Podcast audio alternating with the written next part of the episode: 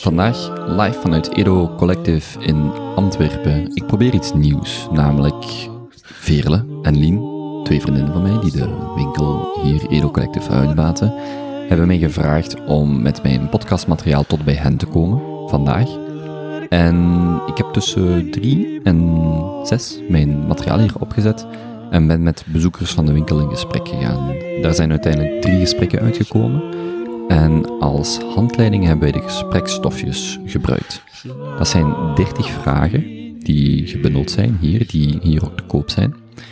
Ehm, en op de beschrijving staat best te gebruiken rond eindejaar, omdat een goede babbel ook een goed cadeau kan zijn. We hebben die vragen dan gebruikt om drie keer een gesprek van ongeveer 20 minuten aan te gaan met de gasten. De eerste gasten waren, bestond uit een kwartet, uit vier vrienden eh, en vriendinnen. Daarna heb ik nog twee keer een babbel van 20 minuten gehad met, een, eh, een, met twee bezoeksters, maar apart. Ik heb die drie achter elkaar geplakt en die zult je in deze aflevering horen. Het is zogezegd de kerstspecial. De vragen trouwens, als je geïnteresseerd bent in een bundeltje met de 30 vragen, die kunt je dus kopen bij eh, Edo Collective. En eh, wel, het is een experiment.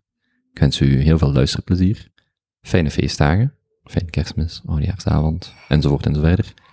En eh, wie weet kunnen de gesprekken, kunnen deze gesprekjes u helpen om eh, zelf een beetje te reflecteren over het laatste jaar en eh, de komende periode.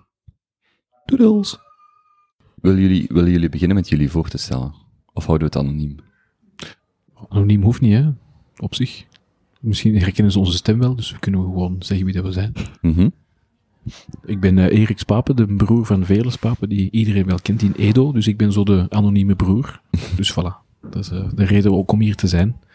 Want ik wist dat het vandaag open was en zo. En een kerstsfeerachtige shoppingdag met allemaal toffe mensen. Dus ik liep even binnen met eh, dus ons zangkwartet. Allee. Hè.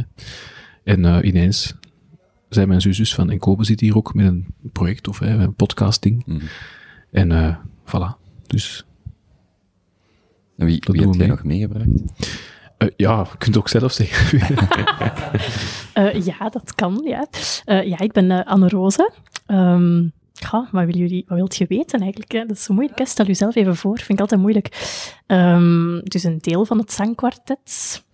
De zingende dokter. De- ja, is zingende dokter. Is ja. dat de naam van het zangkwartet? Nee, maar dat brengt ons op ideeën eigenlijk. Zing eens A in plaats van zeg eens A.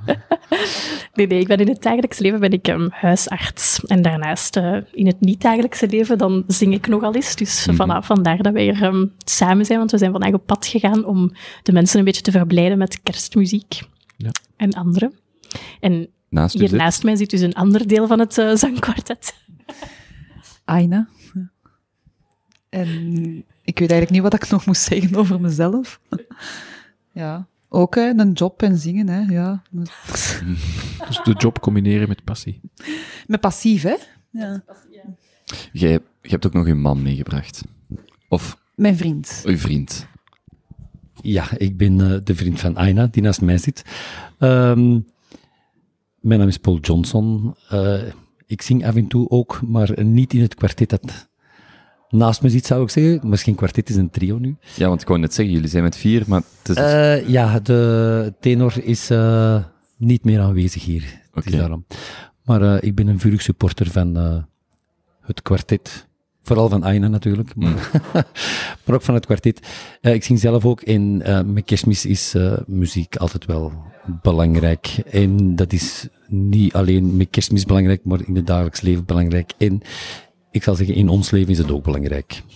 En daarom eh, vind ik het leuk van ook hier te zijn en om even de eh, zin van kerstmis mee te geven dat er nog andere dingen zijn, maar vooral muziek vind ik wel zeer belangrijk. En wat brengen jullie dan vandaag? En ik ga jullie ondertussen trouwens vragen, we hebben hier de gesprekstofjes bij ons liggen, om misschien er een eh, willekeurige vraag uit te kiezen of een vraag te selecteren, dat we daar straks eh, of zelfs op kunnen terugkomen.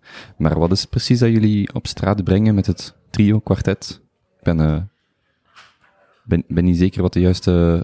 Eig- Eigenlijk was het Anne Roze die, die het idee had om samen te zingen, want dat is vaak hebben mensen, als ze iets willen organiseren, is het altijd heel, een heel groot project altijd, of hoe gaan we dat doen en waar. En Anne Roos was degene die gewoon zei, we gaan dat doen. En zij heeft ons dan relatief bestookt met e-mails en gewoon hè, berichtjes van, gewoon dan, punt. Hè. Wie kan er dan? En dat gaan we doen en we komen gewoon samen. En we hebben dat gedaan. Dus vandaag was de dag. Vandaag was de dag dat we samengekomen op mijn appartementje. We hebben even een uurtje wat geoefend. En een koffiekoek gegeten en koffie gedronken. En dan zijn we naar beneden gegaan en we hebben gewoon ons gesmeten in de massa. En we hebben een plek ge- gevonden om wat te zingen. Dus de reden was eigenlijk vriendschap, maar dan wel muziek als dragende. Je kunt ook gewoon uitgaan in de stad. eh, maar de bedoeling was om een beetje echt eh, kwaliteitskerstsfeer toe te voegen aan de muzak van de winkeltjes En overal. is het onderwerp of thema van de muziek ook de kerstperiode, of is het iets wat jullie verbindt in het algemeen? Mm, Nee, het is echt wel de kerstperiode. Enfin, wij hebben ook al samen gezongen hè, op andere eh, evenementen. Klinkt nu een beetje raar. Ik heb eigenlijk deze mensen zo wat samengebracht, omdat ik met mijn verjaardag een, een feest wou geven rond het thema Cats, the musical. Dus we hebben ook al daar rond samen gezongen. Aina en ik hebben ook al in andere projecten samen gezongen. Dus sowieso kunnen we van alles samen zingen. Maar nu, deze week, is kerst zowel het thema. Hè? Dus dan hebben we eigenlijk hadden een lijst met allemaal kerstmuziek echt. En ik vind dat ook gewoon wel heel gezellig. Zo elk jaar, zo rond deze periode, hoort dan heel veel op de radio van kerstliedjes en zo. Maar er is heel veel mooie muziek voor trio of kwartet. Ehm, dus dan is het ook altijd heel leuk om daar zo een keuze uit te maken en daar echt een repertoire rond te brengen. Ja. Is het belangrijk om de muziek live te brengen? Dat die, dat die eenmalig, bij wijze van spreken, gebracht wordt voor de voorbijganger die het dan apprecieert? Goh, dat is wel zoiets extra, vind ik. Allee, het is Ja, ook ik leuk om op de radio te Er horen. gaat maar- niks boven de magie van muziek brengen op het moment zelf. En ook zaken te laten ontstaan. Misschien in interactie met uw publiek of wat dat er op dat moment gebeurt. Dat is niet te vergelijken met thuis een cd opzetten. Ja, je ziet de mensen ook wel blij worden. Daar straks stonden we in de feest, stadsfeestzaal en er waren wel veel mensen en je ziet zo wel direct ook op hun gezicht van, oh ja, er wordt hier gezongen. Dat is toch iets dat de mensen ook altijd wel blij maakt. En zo, mensen blijven dan staan. Dat is toch anders dan als je een cd hoort. Dan ga je minder makkelijk zo samen blijven staan om zo, oh, dat liedje op de radio. Terwijl als je mensen dat echt ziet doen, je ziet ook het plezier van die mensen. Je ziet hoe dat die dat samen beleven. En dat het is ook plezier altijd... van jullie ook om het samen te brengen. Ja, We gaan, Ja. jullie hebben voorgesteld om straks eh één nummer of één van jullie stukken te brengen, of eh, live te, te performen. Ehm, maar laat ons, laat ons ieder een, een vraag nemen van de gesprekstofjes en dan eh, ben ik heel benieuwd om te horen wat jullie muzikaal brengen. oké. Wie gaat er beginnen? De vragen, de vragen zijn eigenlijk, ehm, het is nu een hoopje met vragen geworden, maar ze waren origineel gesorteerd in de terugblik en de vooruitblik. Ik heb hier ook eh, het overzicht bij mij staan. Voilà. En ik stel voor dat je er zelf een vraag uitkiest. Tenzij dat je niet kunt kiezen, dan pak je er eentje blind uit de stapel. En eh, die vraag voor jezelf beantwoordt. Oké. Eh, ik ga even beginnen en ik heb vooruitblik genomen. Eh, ik was daar aan het doorbladeren in eh, de gesprekstofjes en de meeste die ik tegenkwam nu op het moment was altijd van, oké, ik heb een terugblik. Eh, wat was uw grootste stommiteit dit jaar? Eh, wie wil je sorry zeggen? Wat zit er nog wel tussen? Eh, heb je rare dromen gehad of het een of het ander? En als ik dat dan het onderwerp vooruitblik, wat dat een onderwerp is, dan was ik aan het denken van, tja, ik heb eigenlijk dit jaar geen enkele maal is stilgestaan en nagedacht, wat heb ik gedaan of wat ben ik aan het doen? Omdat leven tegenwoordig zo snel gaat. Ehm, de meesten zijn bezig met hun job, eh, van s morgens vroeg tot s avonds laat, staan in de file. eh, en je zit in die malle molen en dan, als je dan ziet vooruitblik, dan op dit moment heb ik dat eigenlijk, ga ik eens nadenken van, tja, volgend jaar. En ehm, ik weet niet of dat tussen de vragen staat, ik heb het niet Mhm. gezien, maar Mhm. ik, ik, wil, ik wil gewoon zeggen van, ik wil volgend jaar gewoon wat meer tijd maken voor een bepaald aantal dingen, ehm, waar ik geen tijd voor heb gemaakt dit jaar. Concrete voorbeelden? Concrete voorbeelden, ehm, Ik zie een, verwacht, ik zie een meer, meer blik. tijd, meer tijd eh, doorbrengen, eh, kwalitatief, eh, met Aina, omdat we beiden nogal een, een redelijk drukke agenda hebben in de week en in de weekends. En eh, dat er te weinig tijd wordt eh, gemaakt voor elkaar. En ook voor familie. Gewoon. Oké. Dat is heel goed.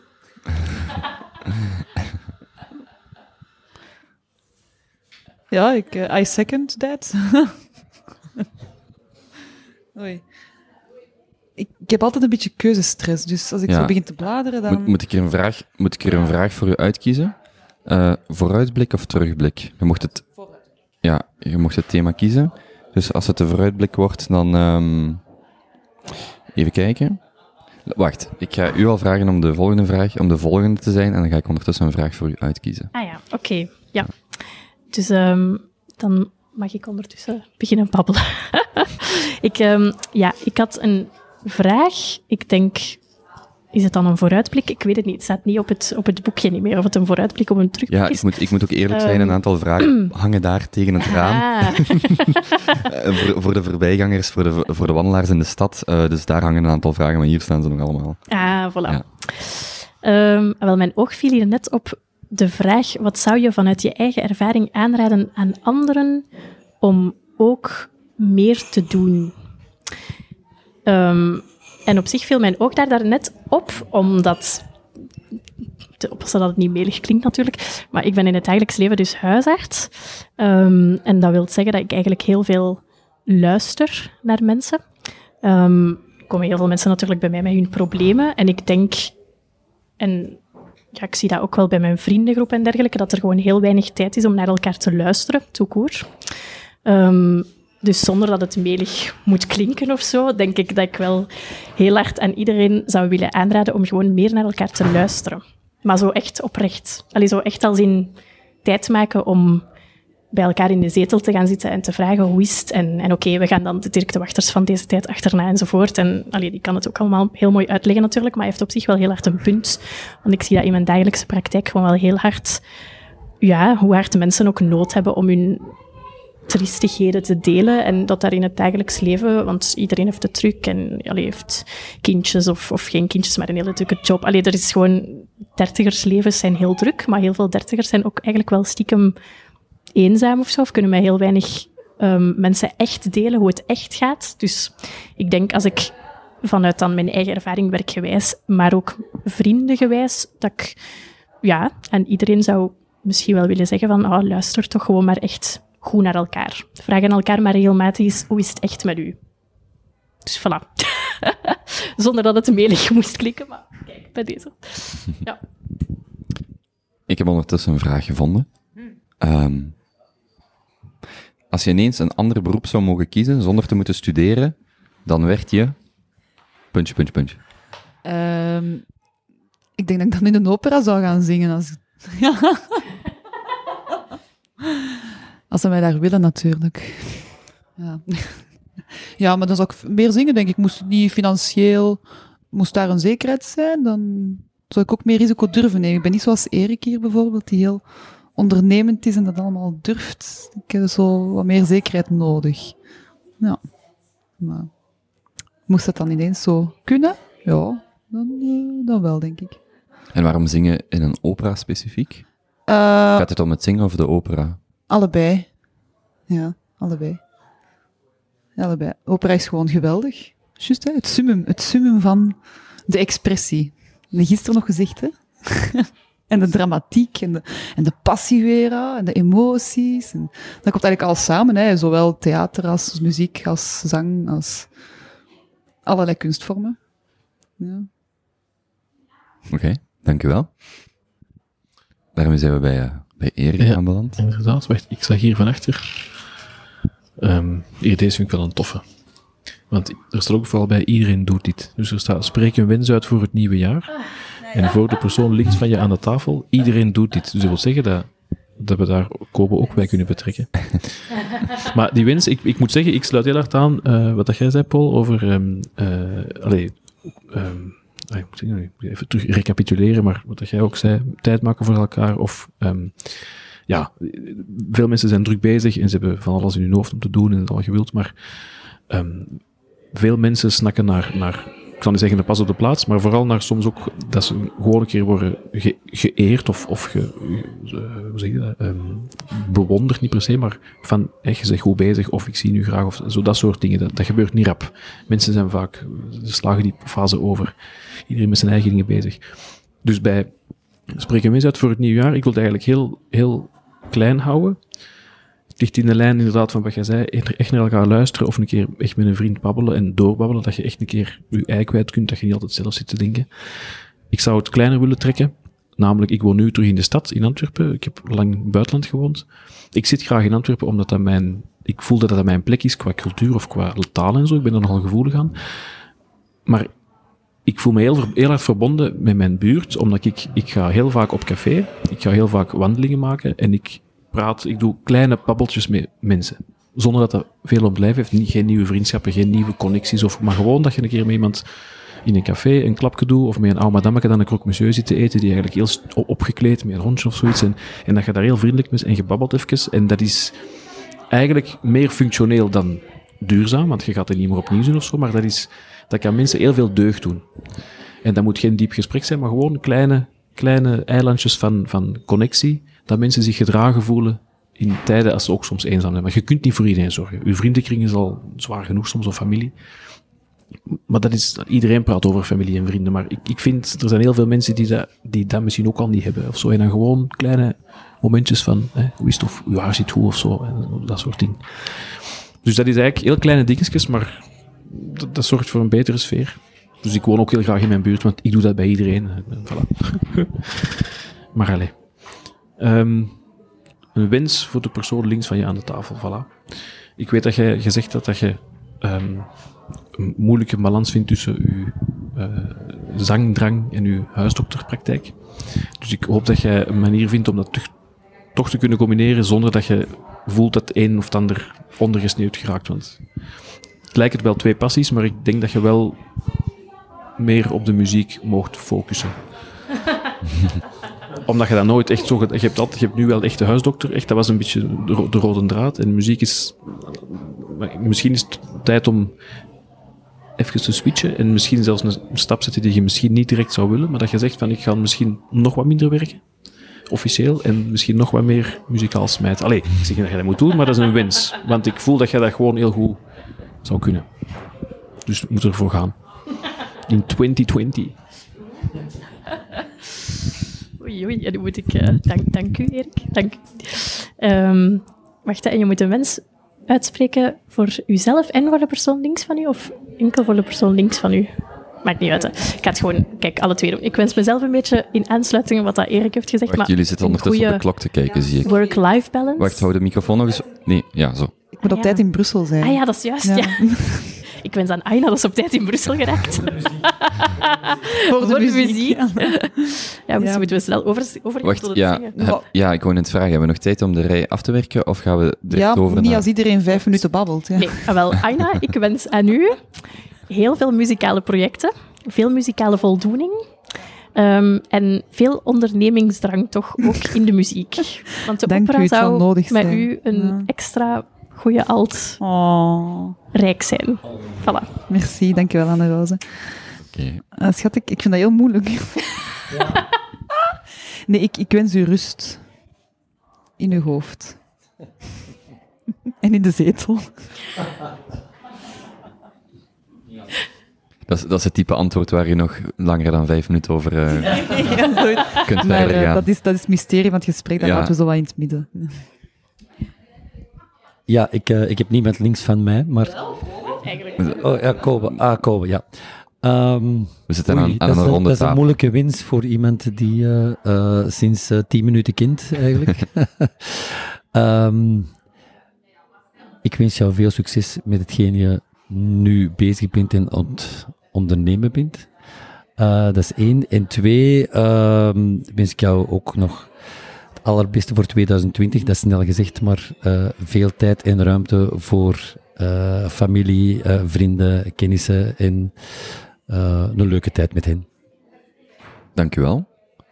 Ik ga geen vijf minuten nodig hebben. Ik wens in het kort, in het verlengde van wat Erik zei, ehm, of, of dat dit doet mij daaraan denken. Ik denk dat ehm, wij heel graag of snel andere mensen iets toewensen, familie, vrienden, maar ook, ook onbekenden.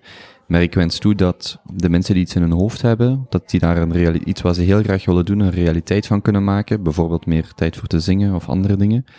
Omdat eens dat je zelf iets doet en je voelt je goed daardoor, dat straalt ook af, af op andere mensen. Dus je kunt andere mensen actief of expliciet helpen. Je haar zit goed en dergelijke, maar ik vind het ook heel mooi om mensen impliciet te helpen. Door gewoon zelf blij te zijn met wie jij bent, wat je doet. En dat straalt dan af op andere mensen. Dus eh, dat zou het voor mij zijn. En dan, eh Erik, ik heb u al een aantal keer hier gezien. Ehm, ik wens dat wij elkaar een beetje beter leren kennen in het eh, komende jaar. Ja. Schoon. Mooi. Oké, dan zijn we, dan zijn we eh, om af te ronden aanbeland bij, eh, bij, de, mu- bij het muzikale summum of hoogtepunt. Dus, eh, en het spijt me dat we maar, maar twee microfoons hebben. Ik moet ook zeggen, wacht, ik kan jullie nog de mijne geven. Ik moet wel zeggen, ik heb nog nooit iemand weten zingen op de podcast. Ik hoop dat ik het mooi geëdit krijg of dat ik het mooi gemaakt krijg. Hebben jullie nog nood aan een derde microfoon? Helpt dat? Oké, ik ga hem nu aan u overgeven. Dank u. Na, na, na, na, na, na. Alle drie de strofes? Of Eentje, hè? eentje? Ja. Oké. de eerste. Stille nacht, heilige nacht, alles schlaft, einsam wacht, nur das traute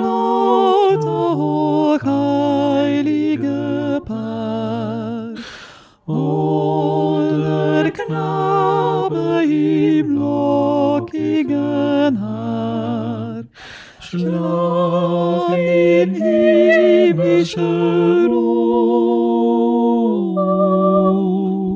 schlaf in himmlischer Ruhe.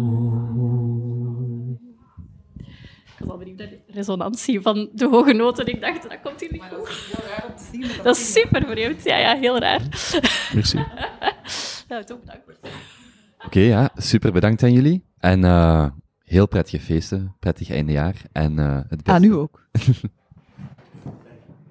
Hey, Hey, hallo, Kobe. hey Ayla. Ik ken, ik ken u al, maar eh, kunt jij je voorstellen? Ja, dat kan. ik ben School trouwens. school, santé. Slokje. Ja, voor de luisteraars. Ayla heeft net ehm, eh, een wijntje meegebracht, cava meegebracht. Dus daar genieten we van. Ja, Ja, inderdaad. je ging je voorstellen. Ik ging mij voorstellen. Ehm, ik ben Ayla, Ayla Kellens. En eh, we zijn hier bij Edo en ik ben juweelontwerpster. Eh ja. Dat is het. Oké, er is van alles op te zeggen, maar dat is het, eh, het korte, dat is de korte, korte versie. introductie. Ja. Ayla, hoe gaan we dit doen? Ehm, we hebben de 30, we hebben de gesprekstofjes, Mhm. de 30 onderwerpen. ja. Gaat jij er willekeurige uit kiezen? Eh, heb jij vragen voorbereid? Het, het idee is dat we aan de hand van die vragen iets meer, eh, of iets in een leukere vorm over de kerst en de oudejaars en, de, en het nieuwjaar, die, over die periode en het nieuwjaar kunnen. Oké. Maar eh, hoe pakt jij dit het liefste aan? Ik heb de vragen zelf eigenlijk nog niet gezien. Dus jij hebt die voor jou liggen. Ah, ik heb die hier ook liggen. oh, dan ga ik u vragen, wilt je een vooruitblik of een terugblik doen? Ehm, maakt niet echt uit. Eh, doe maar een vooruitblik. Zit jij zo'n type persoon wat keuzestress heeft? Soms. Eh, die, ja, die glimlach zei alles. Ehm, wacht, wat heb je nu gekozen? Eh, ik weet het al niet meer. Wat heb ik Ja? gekozen? Mij maakt het niet echt uit. Oké, we, we, gaan, mag kiezen. we gaan de vooruitblik doen en ik, en ik ga gewoon die, die pagina's, die blaadjes beginnen floepen en jij Ja. zegt stop. Oké. Stop. Oké. Waar zou je volgend jaar naartoe op vakantie willen? Aha. Volgend jaar zouden wij heel graag naar Mexico op vakantie gaan. Eh, Was er in Mexico? Wat is er in Mexico? Superveel, denk ik. Ik ben er nog niet geweest. Ehm, dat is eigenlijk al een plan van een paar jaren. Eh, Jacob, mijn man, Eh, Hou je microfoon eens iets dichterbij? dichterbij? Ja. Kijk, dan hoor ik mezelf heel hard. Ja, dan kan ik u hier Alright. zachter zetten. Perfect. Oké. Eh, Jacob, mijn man, die heeft dat alle, we hebben dat eigenlijk samen al even bedacht, besproken. Eh, zijn zusje wordt volgend jaar 30 jaar en zij wil dat graag een soort van groeps. Zij, samen met haar man, die zijn ook pas getrouwd. En Die woont in Mexico. Nee, zij zijn van Engeland, maar die willen graag een soort van, omdat ze 30 is, als vakantie, als verjaardagscadeautje, Hmm. ehm, naar Mexico. Dus we gaan met ons vier, met de twee koppels, naar Mexico. Welke periode is dat? Geen idee. Er- dat is gewoon weet het wanneer- idee weet je wanneer- 2020. Weet wanneer haar verjaardag is? ergens in november. Ergens? Maar kijk, zij is Engels, dus die gaat het niet, niet. Ergens in november. Ergens in november. Ergens in november, ja. Ja. ja. Maar dat hoeft niet per Ik ben se... daar de- niet zo goed in datums. Dat, dat hoeft niet per se de reisdatum te zijn. Nee, nee, nee, nee, nee. We gaan, ik denk sowieso dat je moet kijken met eh, seizoen en, en regenseizoen en noem maar op. Ja, ja, ja. Oké, dus Mexico. Ehm, Dat is het plan. En hopelijk gaat dat. eh, Oké. Eh, je gaat nog een stop mogen zeggen? alright. 3, 2, 1. Stop. Stel dat je elke maand 1000 euro extra kreeg. Waar zou je dit aan uitgeven? Oeh. dat is een goede vraag, een moeilijke vraag. 1000 euro extra. Goh. Ik denk sowieso een beetje aan mijn juwelenbusiness. Om die hier en daar wat te, te pimpen en te helpen. En eh, misschien fotografie en, en marketing op die manier. Maar dan ook gewoon aan het leven en een beetje goed leven. Dus lekker op restaurant gaan en dat soort dingen. Ik zou dat zo... eh, zowel professioneel als persoonlijk willen gebruiken, denk ik. Van die 1000 euro, hoeveel zou je aan de restaurants geven? Goh, de ene maand al wat meer dan een andere, neem ik aan. Ik vind dat wel leuk om zo dan bijvoorbeeld iets te doen wat je anders niet kan doen. Gelijk een Michelin-ster restaurant of, of echt ergens naar, naar Italië gaan en zo een van de beste restaurants doen of zo. Om dan zo wat, dat je anders waarschijnlijk niet kunt doen of moeilijker kunt doen, omdat dat best heel duur is. Heb je een schaduwlijstje in je hoofd met restaurants waar je graag naartoe wilt? Ja, maar Behalve niet, de opnieuw Jane, niet... iedereen niet- naartoe wil. iedereen wil naar de Jane, ja. Die ook sowieso. Maar eh, er zijn zoveel supergoeie restaurants. Ik ken alle qua namen, vind ik dat moeilijk, maar Hmm, ja, A Chef's Table. Heel die lijst van, ik weet niet of je dat gezien hebt op, de, ken ik niet. op Netflix. Dat is een serie eh, met zo allemaal chefs die zo wat, ja, van niks tot opeens super bekend en de struggles en zo, maar zo heel speciale eh, ja, dingen om te eten. Dus dat lijkt me wel interessant om, om die lijst af te gaan, eventueel. Je zei ook eh, dat je in je, in uw bedrijf eh, geld zou steken. Mhm. Ehm kunt je iets meer over uw bedrijf vertellen? Of over, over Isla Jewelry? Mhm. Ehm, ik ben ongeveer een dik jaar geleden, anderhalf jaar geleden, begonnen met mijn eigen juwelenbedrijf. Ik doe dat in bijberoep, dus deeltijds eigenlijk. En ik maak eh, zelf juwelen met de hand hier in Antwerpen. Eh, iedere keer in kleine oplages, alleen maar in zilver en eh, verguld. En die, dat idee is eigenlijk gekomen door alle, zowel dat ik juweel heb gestudeerd, maar ook door rond te reizen en zoveel ideeën en inspiratie Hmm. op te doen. En dan had ik de nood om daar op, dat, op, dat, op de ene manier te uiten. Want je hebt juweelontwerp gestudeerd en mode. Hier in Antwerpen, Ja, ja. ja, ja. Inderdaad. Maar oké, ja, wacht. Dat was niet als onderbreking bedoeld, maar als, eh, als eh, extra informatie. Ja, Wa- Want wacht, het heeft dan een aantal jaar geduurd, of, of er zit een aantal jaar tussen jij die afstudeert en jij die zelf juwelen gaat maken. mhm. Van, van, wat was dan de beslissing om dat uiteindelijk te gaan doen? Als ik, eh, ik heb hier in Sint-Lucas eh, in Antwerpen, juweelontwerp gestudeerd. En dat was superleuk, super tof, maar heel artistiek eigenlijk. En ik heb daar eigenlijk geen, bijna geen juwelen gemaakt die, alle, die dagelijks draagbaar waren. Dat was meer zotte grote dingen in papier of in hout of eh, zo heel experimenteel. En heel veel onderzoek ook.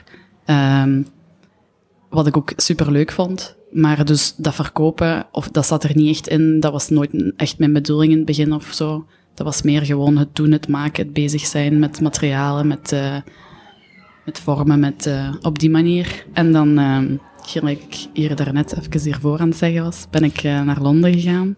Naar Londen verhuisd. En dan daar wel beginnen werken voor, eh, als intern voor verschillende juweelontwerpers. En dan zo wat gezien hoe je dat kunt doen, toch nog op een creatieve of op je eigen manier, zonder dat dat ieder seizoen zo, zoveel stuks moeten gemaakt worden en, en noem maar op. Wat ik eigenlijk niet zo leuk vind aan de zowel mode als juwelen wereld dat vaak is. Hoe, hoe zou je uw stijl omschrijven?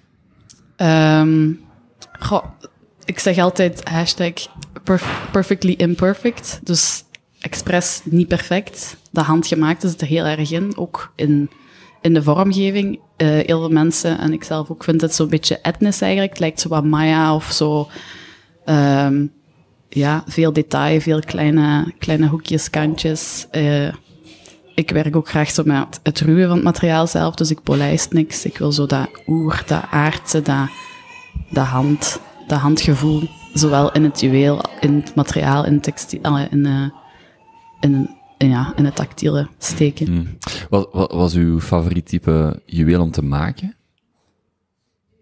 Ik denk oorbellen misschien, Oké. ja. Wa- Waarom? Ik vind oorbellen zelf gewoon superleuk om te dragen. Dat kan zowel super groot zijn als statement. Ik was net, want je hebt een koptelefoon aan, maar je hebt, ja, je, je- al komen er nog onderuit. Ja. Ja, ja, ik zie het. Ze zijn een beetje groter.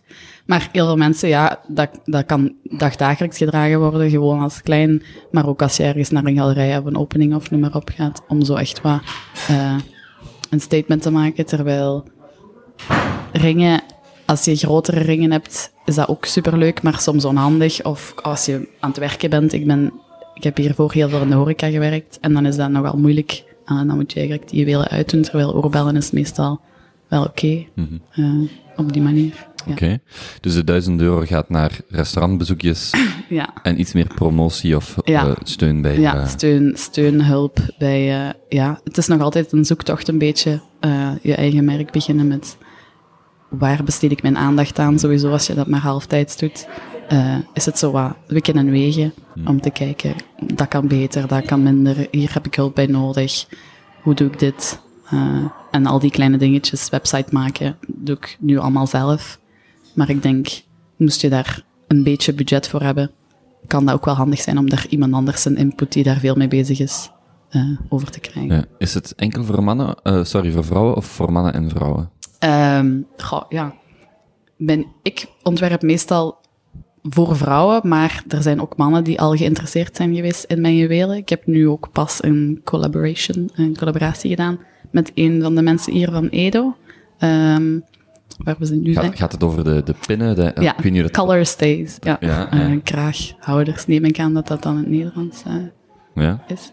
ja, dus die- dat, is- dat is voor mannen alleen eigenlijk bronzen- tenzij je als vrouw. Ja. Kan ook Van natuurlijk. die bronzen houders gemaakt om in uw, om in uw eh, ja, Ja, om, Color en, om in de kraag. ja. Ja, in de kraag. Ja, kraag van mannenhemd eh, of vrouwenhemd Oké. Ja. Zullen we nog één vraag uit de vooruitblik doen? Doen we, Oké. ja. You know the drill. Jij zegt stop en ik stop. Alright. Stop. Als je één keer in een glazen bol zou kunnen kijken, wat zou je over volgend jaar willen weten? Oeh. Goh, goeie vraag. Ik denk eigenlijk dat ik het liever niet zou willen weten. Ik vind het, het niet weten eigenlijk, denk ik, leuker. Omdat van het moment dat je weet dat er iets zeker gaat gebeuren, of zeker gaat, dan denk ik dat je anders gaat leven. Of, of eh, ik denk dat, het, dat ik liever gewoon niks zou weten. Anne, Dat is een, dat is een romantisch antwoord. is dat? Oké, Ja.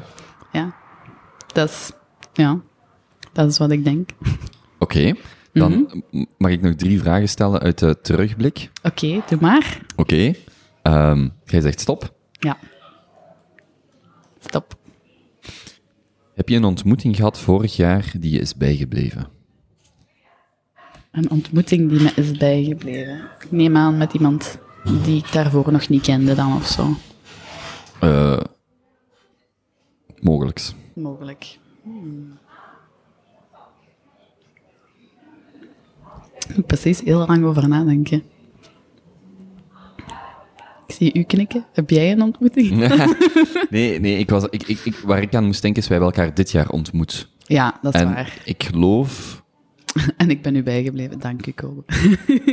Ik, ik weet die keer in de Pampas nog, toen jullie daar vertrokken Ah ja. en jullie gingen eigenlijk door, maar toen hebben we daar nog, allee, Ja, waren met meerdere mensen nog een kwartier of zo eh, staan, staan praten, of langer misschien nog. Ja, daar herinner ik inderdaad. me wel. Ja, dat was onze eerste keer. En dan heb ik kei uitgebreid Nee, mijn, eh, mijn trouwring zitten Ja, te vertellen. juist, juist. Of de tweede keer, ja. Ja, want jij stond op het punt te trouwen, of jij zat, eh, jij werd met je trouwplannen bezig. Ja, Ja. Wacht, er is nog een andere vraag wat daar... ehm, ah ja, ja, oké. Ma- Mag, ik, mag ik de voorlaatste vraag stellen? dat mag. Oké, hier komt die.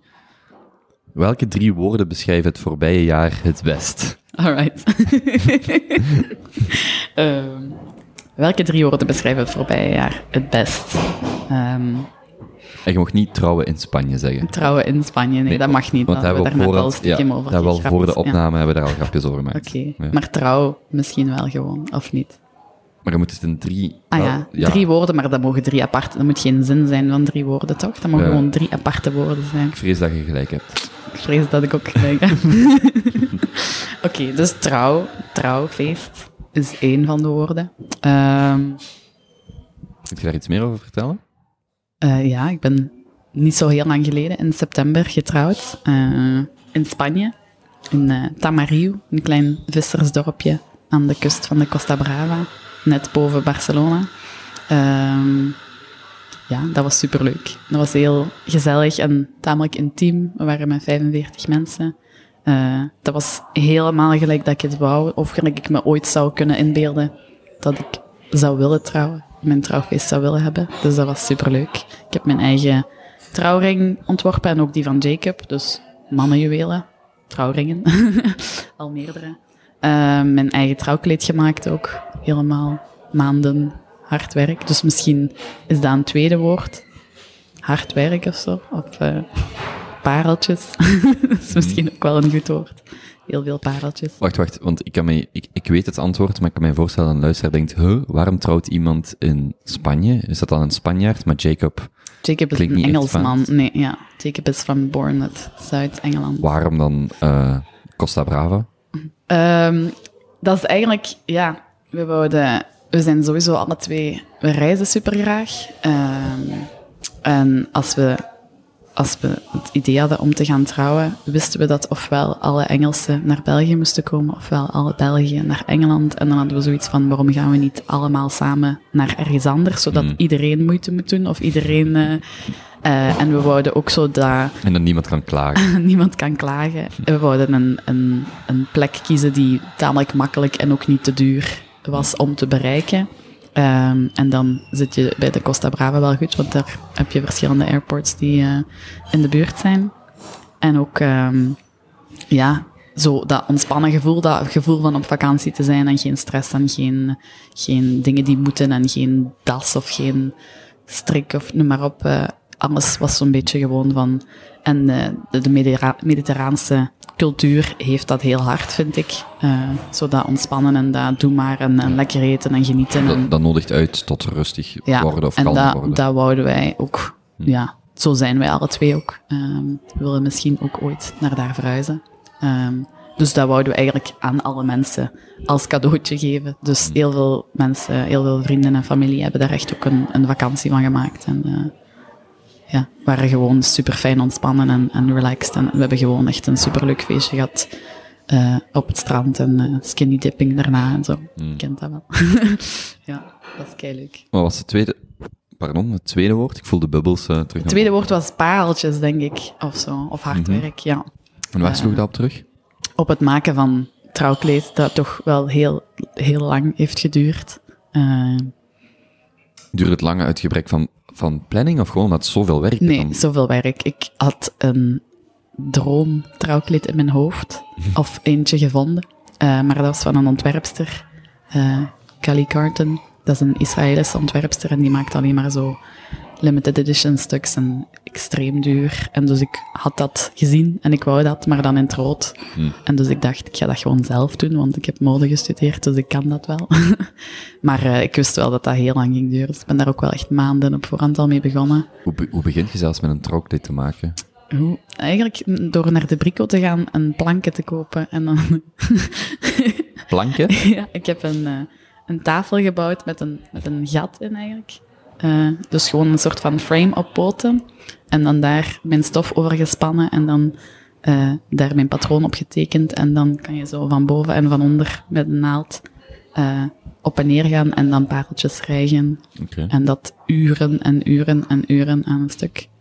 Totdat je een vorm begint te zien. Mocht Jacob ondertussen het kleed zien? Ja, Ja. dat hadden we besproken. En ik zag dat niet zitten om maanden in mijn eentje in een kamertje zielig te zitten terwijl hij aan het eten was of nu maar op. eh. dus ik had zoiets van eh, pech. Ja. Je gaat het zien. Ja. en hoe dan ook, het moment zelf. Hij had het nog niet aangezien op mij. Dat is een, gewoon een gespannen stuk stof met pareltjes op. Dus dat is niet echt een... Ah, nou ja, dat ziet er nog niet echt gelijk een trouwkleed uit. En met haar en, en, en make-up en, en juwelen en noem maar op erbij. Met haar. Eh, met Alsof haar je anders... gedaan. Ja, ja. Als je haar mooi gedaan is en noem maar op, dan is dat toch Met nog pruik. altijd met pruik. Nee, ik heb mijn eigen echte haar. ja.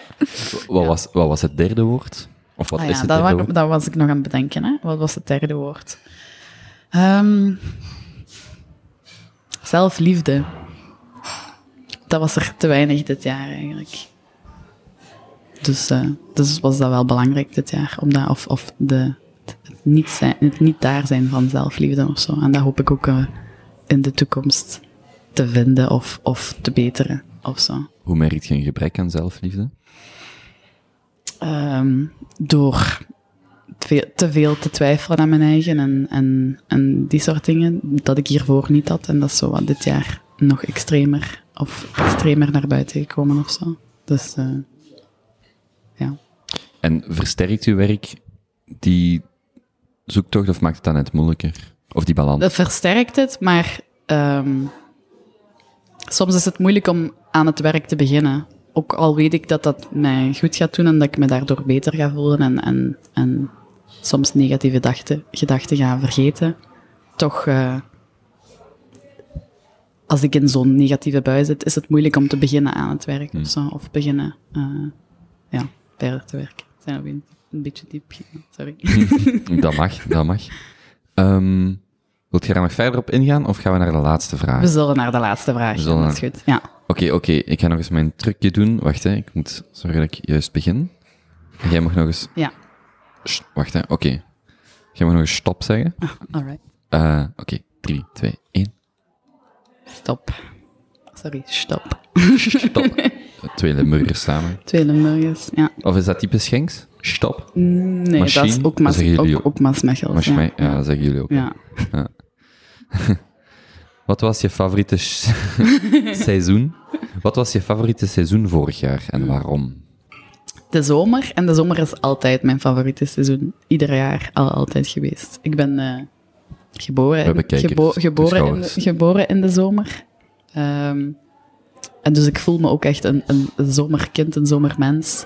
Ik word ook gelukkiger als de zon schijnt.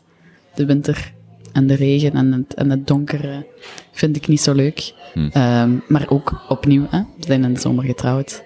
Ehm, ja, ik, ik hou gewoon van mooi, lekker warm weer en lang buiten zitten en, eh, en, en die flow van het leven. Meer dan winter of herfst. Lente is ook wel leuk, maar ja. Dus de zomer is het seizoen. Dat was een eh, makkelijke vraag om af te sluiten. Ja, Ehm, heb je er nog iets aan toe te voegen? nee, niet. ik weet het niet, nee, ik denk het niet. Eh, nee, het was leuk. De interessante gesprekjes van, allee, gesprekstofjes. De gesprekstofjes. Ja, van Redo Papers. Oké. En dus mensen vinden u... Wacht. Mensen vinden uw producten Mhm, bij Edo, Edo sorry, mhm. en u online. Eh, ja, mijn producten bij Edo. Ik heb nog een ander verkooppunt hier in Antwerpen op de Kloosterstraat, Made by Hand. Ehm begin van de Kloosterstraat. En dus twee verkooppunten in Antwerpen en bij Edo. Ik ben wel op zoek naar nog misschien eh, andere verkooppunten. Ik ben aan het denken misschien in het buitenland ook, omdat er veel toeristen, of dat merk ik toch, veel toeristen ook geïnteresseerd zijn in mijn juwelen. Omdat ik denk dat dat reizen en dat cultureel en dat ook zo wel een beetje... ah, ik heb dat geprobeerd om in mijn juwelen te steken, maar ik denk dat het er wel ook in zit. Dus ik heb veel buitenlanders die ook geïnteresseerd zijn in mijn juwelen. Dus is het misschien niet slecht om, eh, om ook ergens in een winkeltje te liggen. Mag ik u dat toewensen voor 2020 dan? Dat mag zeker, een dat zou eh, heel leuk buitenlands verkooppunt. zijn. Ja, Zo vlak over de grens, zo Roermond of zo. Ja, inderdaad. Sittard. Misschien, het mag ietsje, het mag ietsje verder. Het mag iets exotischer ja, ook dan, het mag eh. iets exotischer. Ja. Oké. Ja. Eh, Ayla, eh, dank u wel en veel succes. Dankjewel, Kobe. Jij ook. Veel succes. Goedemiddag.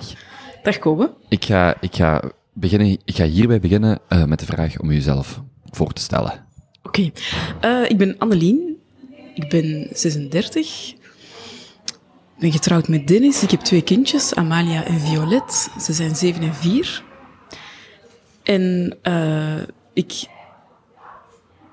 ik werk. Ik eh, volg academie. En dat vind ik erg leuk. Wat brengt u vandaag naar hier? Veerle is een vriendin van ons en eh, die had gevraagd of wij niet kwamen een theetje drinken. In de drukke kerstshopping vandaag is het wel gezelliger hier binnen om gewoon even te relaxen, zeg maar. Een beetje rustig te zitten en een beetje te praten met vrienden. Alle kindjes bij elkaar in de speelhoek, een beetje filmpjes kijken en een Jullie beetje zijn met praten. heel het gezin hier. Mijn man is uiteindelijk bij zijn broer aan het verhuizen, dus die is er niet bij. Maar inderdaad, eh, we zijn hier wel met de kindjes en eh, de andere mensen zijn voltallig. Mhm. Hoe beleeft jij deze periode van het jaar? Het is een van mijn favoriete periodes van het jaar. Het begint eigenlijk met eh, Sinterklaas. Sinterklaas vind ik een fantastisch kinderfeest. Gewoon de magie van het speelgoed dat zo opeens wonderbaarlijk verschijnt, 's morgens. Ehm, en die aanloop, die opbouw. Ik herinner mij als kind dat ik dat fantastisch vond. Oké, dan is Sinterklaas gedaan en dan komt kerstmis. En dan is het opnieuw aftellen. Bij ons op school was dat dan advent en dan elke week een kaars. Dat doen wij nu niet. Maar het idee is dan nog altijd opbouwen naar kerstmis. En dan ja, zorgen dat er, eh, ik weet niet, een beetje gezelligheid is. Dus je hebt de boom, je hebt dan de... Allee, dat zijn een paar symbolen gewoon. Hè. Zo het, het huiselijke heeft dan ook wel zijn plaats. En dan is het eh, ja, een- een moment om zo even ook naar binnen te keren, vind ik. Die, is dat voor u als moeder of voor jullie als ouders, die periode tussen 3 en 10, neem ik aan, dat kerst, Sinterklaas, ik moet zelf nadenken, ik denk dat we dat tot ons tiende, elfde, twaalfde vieren. Is dat dan echt eh, van, nu moeten we er echt bewust van genieten, van die kinderen die daar naar uitkijken, want op een, op een bepaalde dag is dat voorbij? Ja, ik merk ook wel, eh, mijn oudste dochter, dat die inderdaad eigenlijk zich al zoveel vragen stelt bij het concept. Hmm. Dat ik denk dat dit misschien het laatste jaar was. En eigenlijk, ik heb een brief van haar gevonden aan Sinterklaas. En die, die zei, Sinterklaas, ik weet dat u niet bestaat. dus het zou heel goed kunnen dat we daar volgend jaar al een beetje magie kwijt zijn. Dus ik ben inderdaad wel op dit moment aan het vasthouden. Ik ben, ik ben het in mijn geheugen aan het printen. Oké, zo is het. Dit is leuk. Mhm. Die, welke plaats neemt dan die kerstperiode voor jullie? Dus je zei Sinterklaas, de kerstperiode, oudejaarsavond? Of, of? Oudjaarsavond heb ik eigenlijk niet zo'n zo'n band mee. Ik vind kerstmis, het is, het is een feest van familie voor mij. Het is eh, een, een lichtmoment, redelijk letterlijk, door alle lichtjes die in de stad hangen overal, die eh, mensen aan hun huizen hangen, die in de boom hangen. Het is, een, ehm, ja, het is ook een keerpunt, want eigenlijk begint daarna pas de winter. En dan in de loop van februari, dan is die kerst al zo lang geleden. En dan denk je zo terug van, oh ja, dat was toch gezellig. En het is ook wel, vind ik echt. Het is een, een warme periode en dat heeft helemaal voor mij niks echt religieus meer of zo. Maar het is zo, ja, een, een, een moment om echt te focussen op jezelf. Je- Ik neem bewust ook altijd twee weken vakantie, dus het is een periode waarin ik niet nadenk over mijn werk. Ik ben op dat moment thuis met de kinderen, mijn man. Vorig jaar zijn wij eigenlijk wel een, ja, we zijn lang op vakantie geweest in die week, na kerstmis en tot voorbij nieuwjaar. Fantastisch.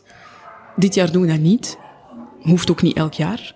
Maar ehm, het is wel echt een, ja, een mooie tijd om die tijd te nemen voor elkaar. En daar eigenlijk terug energie uit te halen en een beetje terug op te bouwen. Om er daarna dan, tegen dat het februari is, toch terug tegen te kunnen. Mhm. Ik ga u eh, vragen stellen uit de gesprekstofjes die Ja. hier voor ons liggen. Jij hebt, eh, we hebben, eh, uit de terug, zowel uit de terugblik als de vooruitzichtcategorie, ehm heb jij ieder een vraag geselecteerd, die ga ik u voorleggen. En dan ga ik ook nog een willekeurige vraag stellen. We zullen, we zullen bij de terugblik beginnen.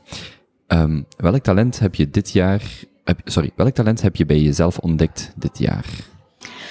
Ehm, ja, ik zei het daarnet al, ik volg academie en ik heb Wat ontdekt... betekent dat precies? Wel, het is Academie voor Beeldende Kunsten. Dus het is een, ehm, een grafische opleiding en ik volg de oriëntatie digitaal. Dat houdt in dat wij eh, leren werken met Photoshop en Illustrator, maar niet op een manier om het programma zelf te leren kennen. We krijgen eigenlijk een opdracht, een creatieve opdracht, en daar gebruiken we dat programma voor. Dus het doel is altijd iets mooi creëren. Bijvoorbeeld een collage, een digitale collage, is het zoiets? Of een tekening? Of... Ja, het is zoiets. Maar het is altijd zo met een bepaalde insteek. Bijvoorbeeld waar dat we vandaag aan gewerkt hebben, is een, ehm, en dat is de laatste drie lessen, denk ik, een doorsnede van groenten of fruit. Dus je snijdt een paprika in twee en je maakt eigenlijk een, ja, een gestileerde doorsnede van die paprika. Dus je gaat daar dan, je neemt daar bijvoorbeeld een foto van en op die foto ga je dan in Illustrator een heel eh, ehm, paprika tekenen, zeg maar.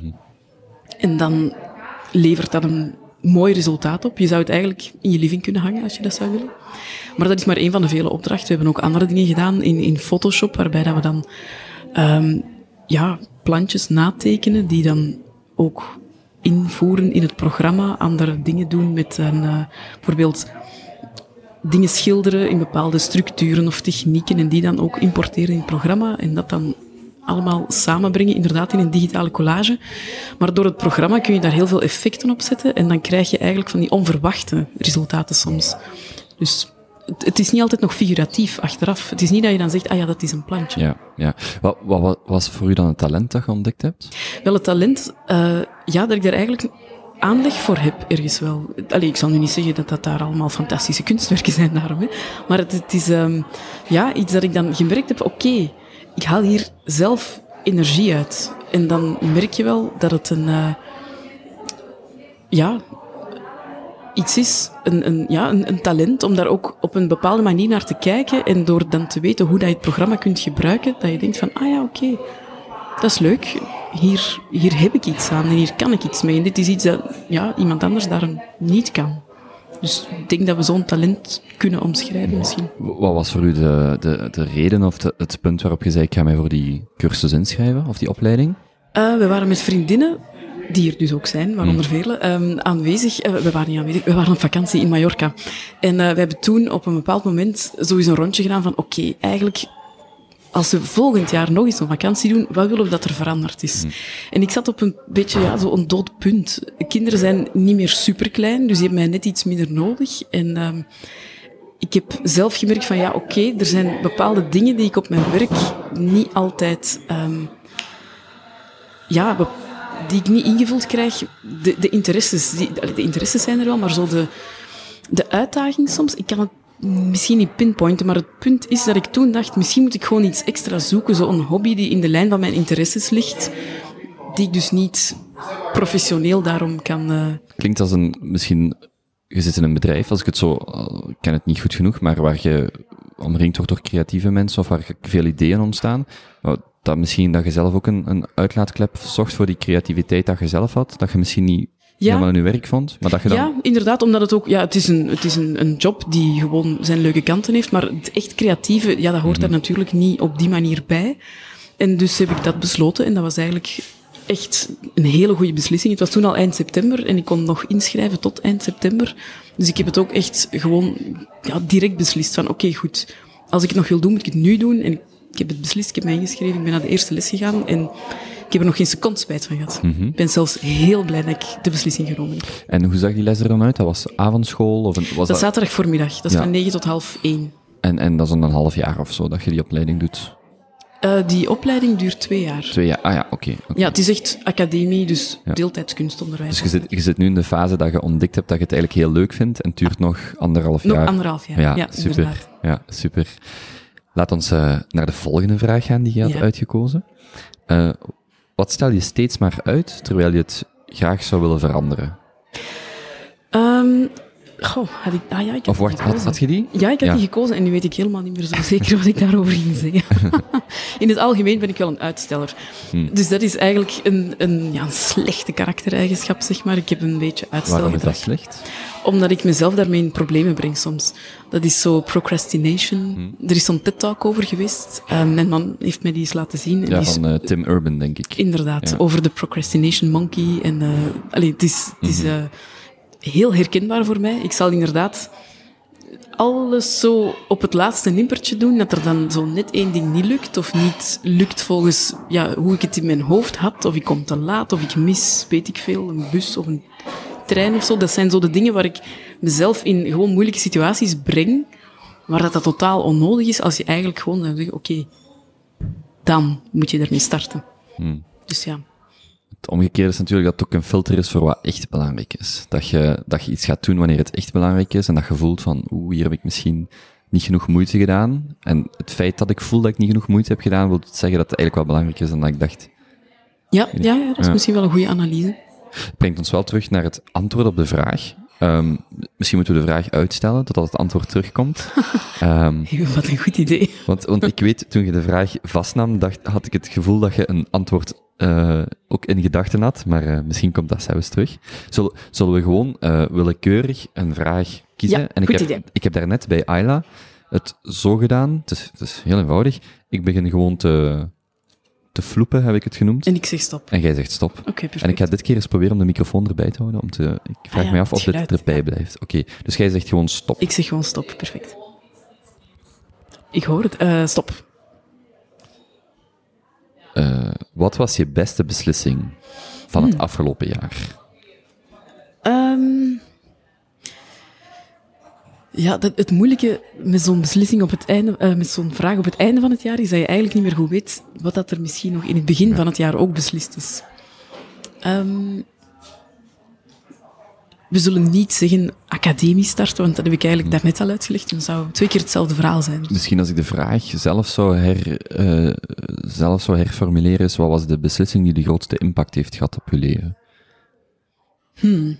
Dat is misschien makkelijker, maar niet per se. Dus niet alleen het afgelopen jaar, maar Nee, het afgelopen jaar. Een Ah, beslissing die een grote of de grootste impact heeft gehad. Het is niet per se de beste beslissing, maar voor mij helpt dat om, om dat iets duidelijker te maken. Ja. Hmm, impact met een grote beslissing. Nee, grote, beslissing met een grote impact. Ehm, ik ben voltijds gaan werken. Dat heeft best wel een grote impact gehad, eigenlijk, op het gezinsleven, zeg maar. Terug voltijds gaan werken? Terug voltijds. Ja, ja. Ja, Ik werkte vier vijfde in ouderschapsverlof en dan daarna in tijdskrediet. En toen heb ik besloten om terug voltijds te gaan werken. En eh, ja, je merkt dat wel, dat dat eigenlijk... Ik was op woensdag thuis en nu is het terug op woensdag gewoon op kantoor zijn. En dat maakt dat zo die kleine dingetjes, zoals het wasmachine uithalen en ophangen, dat lukt altijd wel. Maar dan die was ook afhalen en oplooien. Ja, dat zijn dingen die dan blijven liggen. Ehm, door kleine rommelnestjes waar dat je ook niet altijd meer toe komt. Of dat pakje dat dringend op de post moet. Dat soort zaken, dat blijft liggen. Of eens naar de apotheek gaan. Boodschappen moeten ook allemaal in het weekend gebeuren. En dan heb ik het nog niet over gewoon, ja, het feit dat de kinderen op woensdagmiddag inderdaad elders moeten opgevangen worden natuurlijk. Is het op school, is het bij grootouders, is het bij vriendjes waar ze het kunnen spelen. Dat maakt eigenlijk toch wel echt een, eh, een groot verschil. En de impact is zelfs niet alleen voor mij, maar echt voor het hele gezin te merken. Was het dan een financiële beslissing? Niet zozeer, nee. Het was eigenlijk... ehm goh, ehm, Want waarom, ja, waarom dan per se die beslissing maken als het die impact heeft? Of was het voor u ook, gewoon, ja, ik, wil misschien niet zoveel thuis zijn, ik wil gewoon meer... eh, Het was niet zozeer dat ik meer wou thuis zijn, eh, of niet meer wou thuis zijn. Het was eerder dat ik, ja, ik, ik twijfel om van job te veranderen, maar ik weet niet zeker of ik dat nu in een uitgezonden podcast moet zeggen. Ehm, wel, iedereen twijfelt wel eens. ja, dat is wel zo. Twi- Sorry, ik zal het anders zeggen. Eh, twijfel van job veranderen wil ook zeggen dat als je beslissingen gemaakt hebt, dat je er tenminste met meer eh, overtuiging die beslissing hebt gemaakt. Als je beslist om te blijven, bijvoorbeeld. Ja, dat is wel zo. Ja, dus- Ja, ik heb een paar jaar geleden bijvoorbeeld een, eh, echt een jobaanbod gekregen. En een heel concreet contractvoorstel. En ik heb het uiteindelijk afgeslagen. En toen was ik wel inderdaad opnieuw heel overtuigd van de keuze voor mijn huidige job. Dus nu, het voltijds werken hangt daar allemaal ergens mee samen. Dat ik dan ook denk van ja, kijk, eh, als ik toch verander van job, zal dat sowieso naar een voltijdse job zijn. En dat is al een impact op zich. Dus als ik dan in een voltijdse job zit, in Ja. een nieuwe job, ja, dan is het heel veel nieuw. Ja. Dus het, het hing zo'n beetje samen. En het, het viel ook samen met het begin van het schooljaar. Dus ik dacht ook, ja, qua systeem voor de kindjes, dat is dan duidelijk, dit schooljaar is het zo. Dus ja. En mijn man, die is van zin om misschien ook zijn ouderschapsverlof op te nemen. Nog te bezien vanaf wanneer en in welke vorm, maar eh, het is iets dat hij overweegt. Kunt je een ouderschapsverlof nog opnemen als uw kind, uw jongste kind vier is? Of tot wanneer Ja. kunt je dat? Ehm, ja, er is een, een verschil tussen vaderschapsverlof en, en eh, ouderschapsverlof. Het vaderschapsverlof na de geboorte is tien dagen, maar ouderschapsverlof dat is eigenlijk tot uw kind 12 jaar is. En per kind heb je recht op vier maanden als het kind geboren is na 1 maart 2012. Voor 1 maart 2012 is het maar drie maanden. Oké, oké. Dus, die, dus die tijd kan nog opgenomen worden? Ja, ja, ja. Vier maanden. Oké. Laat ons eh, nog eens eh, dat trucje herhalen. Ja, Ik, ik doe ploef en jij zegt stop. stop. Van alle dingen die je dit jaar bereikt hebt, waar ben je het meest trots op? Het meest trots. Ehm Mai. Even denken. Het probleem bij die meest en beste vragen is dat je natuurlijk vaak enkel maar herinnert wat er de laatste dagen of weken gebeurd is. Ja, ja, Dat dat moeilijker is om, om, om een heel jaar terug te kijken. Ja, ik was al aan het denken van, oké, wacht, we moeten even op zomer focussen of zo. Ehm, een beslissing. Trots. Eh, poeh. Zullen we er een andere uitkiezen? ja, misschien wel. Oké, eens kijken of we, meer, of we meer geluk hebben dit keer. Stop. Waarvan heb je wakker gelegen? Ah, ja, dat, daar weet ik direct een antwoord op. We hebben eind augustus onze jongste dochter van school veranderd. En eh, daar heb ik echt letterlijk nachten van wakker gelegen, meer dan één, of dat we daar wel eigenlijk het juiste deden. Ze was eigenlijk wel blij op haar school. En wij vonden de school zelf echt super. Maar ik was misschien te veel vooruit aan het denken. Onze oudste dochter heeft een heel leuk vriendinnengroepje. Dus het is niet één vriendinnetje, dat zijn er echt... Dat is een groepje, dat zijn er een paar, dat is heel leuk. En ze kan afwisselen, ze gaat dan overal eens spelen of slapen of zo. En dat is echt tof. Ze zitten samen ook in de scouts. Dus je voelt dat dat eigenlijk leuke banden zijn, goede banden die gesmeed worden en die echt nog ja, de hele lagere school door en misschien nadien ook nog kunnen blijven. En ehm, in de klas van mijn jongste dochter, daar was eigenlijk één meisje waar ze, ja, haar beste vriendinnetje, zeg maar. Maar het was ook, behalve dat ene beste vriendinnetje, vooral, ehm, ja, jongetjes. En prima dat ze met jongetjes speelt, kei tof, absoluut. Het probleem daarmee is alleen dat ik denk dat ze dan op termijn, dat die jongens zeggen, oké, maar nu willen wij niet met meisjes spelen. En dan sta je daar als meisje en dan denk je, ah ja, oké. Of omgekeerd, ze willen zelf niet meer met de jongens spelen.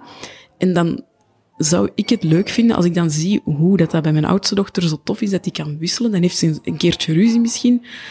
Of dan is er dit, of dan is er dat, of het kindje is ziek. Maar dan hebben ze gewoon nog een beetje een vangnet. En dat wilde ik ook graag voor mijn jongste dochter. En ehm eh, ja, er zijn drie scholen in de buurt. En het beste vriendinnetje van op de crash, die zat op school drie, zeg maar. Zij op school één. En dan zijn ze samen naar school twee veranderd. Omdat die ook toevallig net gingen veranderen. Er was nu plaats, wat ook niet evident is met het eh, centrale aanmeldingssysteem hier op eh, de scholen in Antwerpen. Is dat zogenaamde digitale, dat Ja, digitaal klopt. platform? Dus Ja. je moet eigenlijk gewoon een beetje geluk hebben dat er een plaats is waar je dan ja, in aanmerking voor komt. Dus we hadden dat geluk. Er was een plaats, er waren twee plaatsen, dus ze konden met twee veranderen en we hebben dat gedaan. Ze is heel blij op school, maar altijd als we langs haar oude school stappen, Hmm. Dan zegt ze toch wel van mama, maar gisteren nog, mama, ik wou eigenlijk helemaal niet van school veranderen. Hmm. En juist omdat we van de school zelf heel tevreden waren, We krijgen bezoek ondertussen. ah, En- daar staan ze. Nu ga ik wel vragen de welke die van u zijn, maar ik denk De dat twee ik het al meisjes weet. daar. Ja, Willen jullie erbij komen? Wij zijn aan het praten. wij zijn, een, wij zijn een opname aan het maken. Maar ik zie iemand met tranen naar ogen. Dat is een microfoon. Dag Violet. Ga je iets zeggen? Nee? En Violet mist. Amélie, Am, Annelien. Nee, sorry. Ah, de oudste. Amalia. Amalia, Amalia, de oudste. En Violet. En Violet. Nee. Hij is gevallen. Was ze gevallen? Is ze gevallen? Nu? Zullen wij, wij kunnen anders eh, stilletjes afronden? Dat is prima. Dat is, eh, want ik zie, ik zie hier een, een eh, sipgezichtje. een sip gezichtje dat misschien een beetje aandacht nodig heeft. Ehm, ja, Annelien, dankjewel. Wat mag, ik u, wat mag ik u nog kort als afsluiter voor volgend jaar toewensen? Ehm, altijd een goede gezondheid. En los van de goede gezondheid, ehm, ja, jobvreugde. Zij het in mijn eigen job, zij het in een andere job. Mhm. Bij deze. Heel veel Dankjewel. job voor u gewenst en eh Super, dank u wel. merci. Hetzelfde voor u. Nog veel succes met de podcast. Dank u wel.